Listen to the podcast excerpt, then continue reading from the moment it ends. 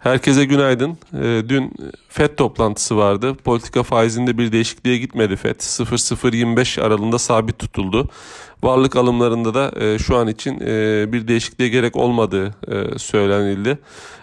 FED Başkanı Powell önümüzdeki dönemlerde veri akışına bakılacağını ve buna bağlı olarak e, yani ilk olarak varlık alımlarının hızında e, bir değişiklik yapılabileceğini söyledi. E, ama bunun zamanlaması konusunda e, herhangi bir e, yönlendirme yapmadı.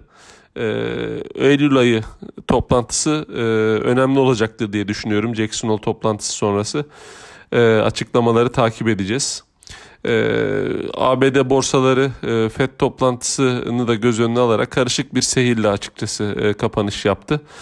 Ee, bizim tarafta biz dün hafif satıcılı başlangıç yaptık. Gün içerisinde tepki alımları vardı.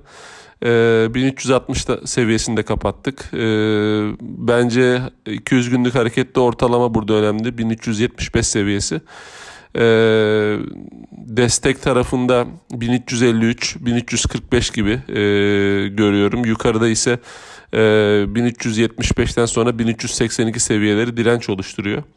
Ee, bizim tarafta e, bugün enflasyon raporu açıklanacak. Ee, burada bir takım revizyonlar yapılabilir. Ee, yukarı yönlü e, enflasyon beklentisini Merkez Bankası revize edebilir. Piyasanın gözü orada olacak. Saat 10.30'da e, enflasyon raporu toplantısını izleyeceğiz. Herkese iyi çalışmalar.